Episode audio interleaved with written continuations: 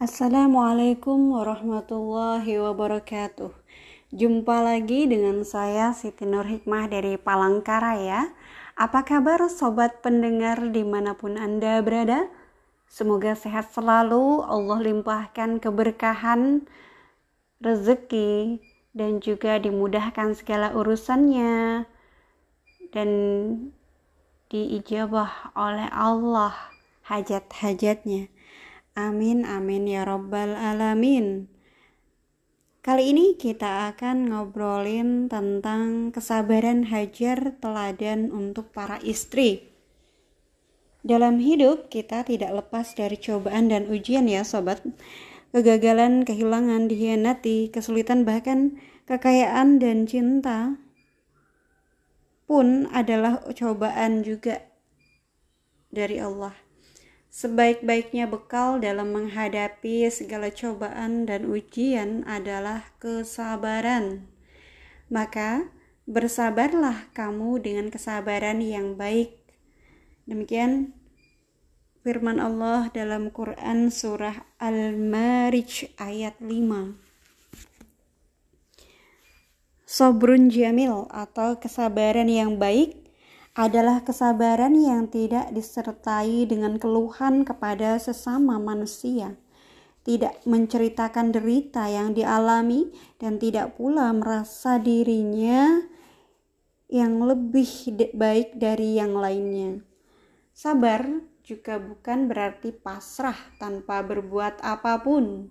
Kita perlu mencontoh Ibunda Hajar karena kecemburuan istri pertamanya, Sarah, Nabi Ibrahim alaihissalam memutuskan untuk membawa Hajar ke tempat yang jauh, yaitu Baitul Haram. Siti Hajar bersama Ismail, buah hatinya dibawa menuju ke suatu lembah yang tiada rumput maupun tumbuhan sekalipun di sana. Tak ada juga air ataupun tanda-tanda kehidupan di sana.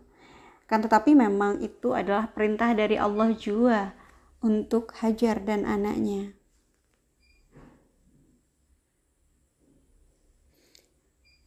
Saat Ibrahim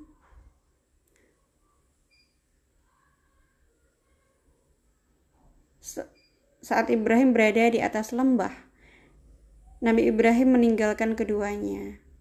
Sebuah riwayat juga menceritakan bahwa Ibrahim tak menoleh sekalipun kepada Siti Hajar meskipun perempuan itu menangis dan terus memanggil namanya Semakin jauh Ibrahim meninggalkannya, Hajar lalu mengejar suaminya dan mengatakan, "Apakah Allah yang memerintahkan kepadamu untuk melakukan ini?" Benar, Nabi Ibrahim menjawab, "Kalau Allah yang memerintahkan demikian ini, niscaya Dia tidak akan menyanyiakan kami," ungkap Hajar. Peristiwa ini adalah bukti kesabaran Hajar yang pertama. Saat Ibrahim tak lagi kelihatan, Hajar memandang semua wilayah di lembah kosong, gersang, dan sangat panas. Wanita berhati mulia ini pun berlari dari Bukit Sofa ke Bukit Marwa sebanyak tujuh kali untuk mencari perbekalan dan berharap bertemu Sufi yang akan membantunya. Sayang seribu kali sayang ia tidak menemukan apa pun jua terbayang saat anak yang lama dinanti-nanti kemudian hadir di tengah mereka lalu Allah uji untuk meninggalkan putra tersayangnya mereka di lembah bersama istrinya dalam kondisi bayi yang masih kecil mungil Masya Allah. Dengan perbekalan seadanya tentu Ketika habis, tak ada lagi bekal di sana. Apa yang terjadi? Sofa Marwa itu menjadi saksi, saksi bisu bagaimana kemudian perjuangan seorang Hajar mencari air untuk putranya Ismail. Hajar berlari dari sofa ke Marwa hingga tujuh kali. Ini adalah bukti kesabaran Hajar yang besar. Jika dibandingkan dengan kita, mungkin kita akan menyerah pada usaha yang pertama, tapi tidak demikian dengan Hajar. dia terus mencari tanpa putus asa. Masya Allah, luar biasa ya. Peran sebagai istri ketika kemudian harus taat kepada Allah Rabbul Izzati dan juga suami yang diutus sebagai seorang nabi. Nah, di saat kebingungan juga kegelisahan yang menyelimuti hati juga pikirannya, Allah memberikan mukjizatnya dari bawah kaki Ismail kecil yang sedang menangis kehausan muncul sumber mata air yang kini dikenal sebagai mata air zam-zam. Zami, zami, zami, menggenanglah. Lalu kemudian Hajar memberikan air zam-zam tadi untuk meminumi dirinya dan juga putranya. Air itulah yang membantunya untuk bertahan. Tak hanya muncul air, beberapa waktu kemudian juga lewat beberapa sufi yang akhirnya membantunya mengatasi segala kesulitan di lembah gersang. Di dalam memaknai kesabaran, sungguh benarlah firman Allah, karena sesungguhnya Sesudah kesulitan itu ada kemudahan. Quran surah Alam Nashr atau Al-Insyirah ayat 5. Dan hal ini pun diulang. Bersama kesulitan ada kemudahan. Artinya ketika ada satu kesulitan yang Allah ujikan kepada kita, maka yakinlah beserta kesulitan itu ada banyak kemudahan yang akan menyertai kita Ya sama seperti yang kami alami di saat kemudian Allah timpakan musibah. Anak kami mengalami cedera di sikunya satu tulang retak dan satu tulang lagi dislokasi persendiannya. Masya Allah. Di saat kemudian melihat kondisi tangan anak kami itu dalam kondisi uang pun tak ada di dompet Masya Allah. Tapi kami senantiasa berbaik sangka kepada Allah. Pasti adalah kemudahan setelah ini gitu ya. Kami coba terapi anak kami dengan ilmu yang kami miliki. Kami berikan herbal yang ada di rumah kami. Kami balurkan herbal itu lalu kemudian saya terapi akupunktur di tangannya yang bengkak karena cedera tulang tadi lalu kemudian setiap hari saya terapi dan memberikan suplemen bahkan uh, herbal tadi setiap hari bahkan per dua jam ya per dua jam. Di saat ia bangun nangis kesakitan kita hadir. Kita gantian. Saya dan suami bergantian mengganti. Apa keinginannya? Ingin kebutuhannya uh, atau ingin makan, ingin minum karena saking sakitnya tangannya itu nggak bisa digerakkan. Disentuh saja nggak nggak mau karena saking sakitnya.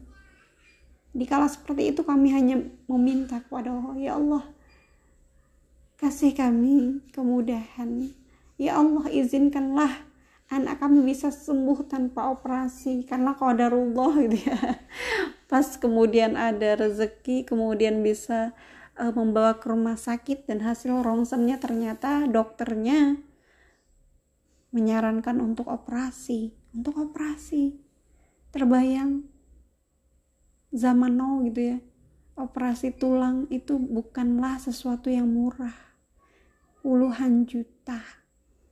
Dari mana kira-kira kami ada tapi kami meminta kepada Allah, ya Allah izinkanlah anak kami bisa sembuh tanpa operasi karena kami tidak ingin menambah hutang lagi ataupun yang lainnya. Karena kami yakin gitu ya, dengan adanya uh, ikhtiar yang akan dilakukan, Allah akan memberikan kemudahan. Bersama kesulitan ada kemudahan, namun kami pun tetap berupaya sebaik mungkin. Andai kata apa yang kami ikhtiari tersebut ternyata tidak membuahkan hasil maka kami sudah bersiap-siap plan B untuk mencari jalan keluar mencari dana untuk operasi tangan anak kami. Tapi qadarullah kesabaran itu membuahkan hasil. Ya sekitar satu bulan berikutnya Alhamdulillah terapi yang kita lakukan membuahkan hasil. Tangan yang dislokasi itu telah kami bawa ke terapis kenalan kami dengan pengetahuan beliau tentang tulang sudah kembali pada posisinya. Dan kemudian retak pada tulangnya itu juga sudah mulai berkurang sakitnya bahkan bengkaknya pun sudah hilang. Dan anak kami pun sudah bisa beraktivitas seperti semula. Akan tetapi insya Allah dalam kondisi yang demikian kami tetap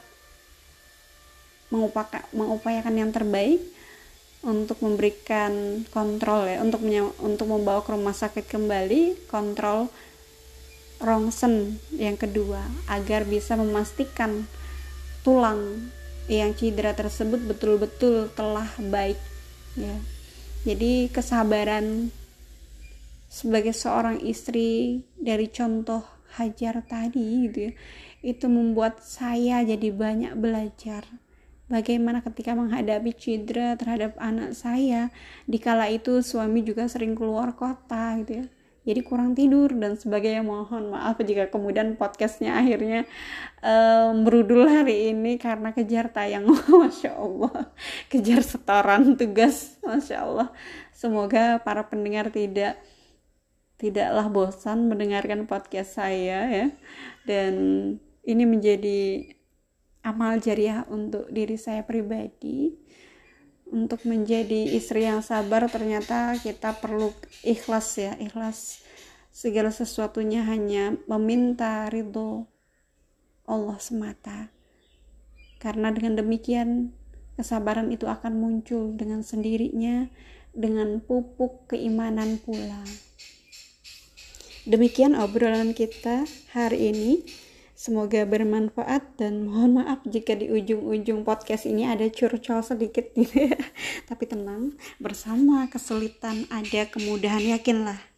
Saya Siti Nur Hikmah dari Palangkaraya mohon undur diri dari ruang dengar Anda. Salam cerdas, tetap semangat, bersegera raih ampunan Allah. Belajar taat setiap saat, why not? Wassalamualaikum warahmatullahi wabarakatuh. Illa liqa.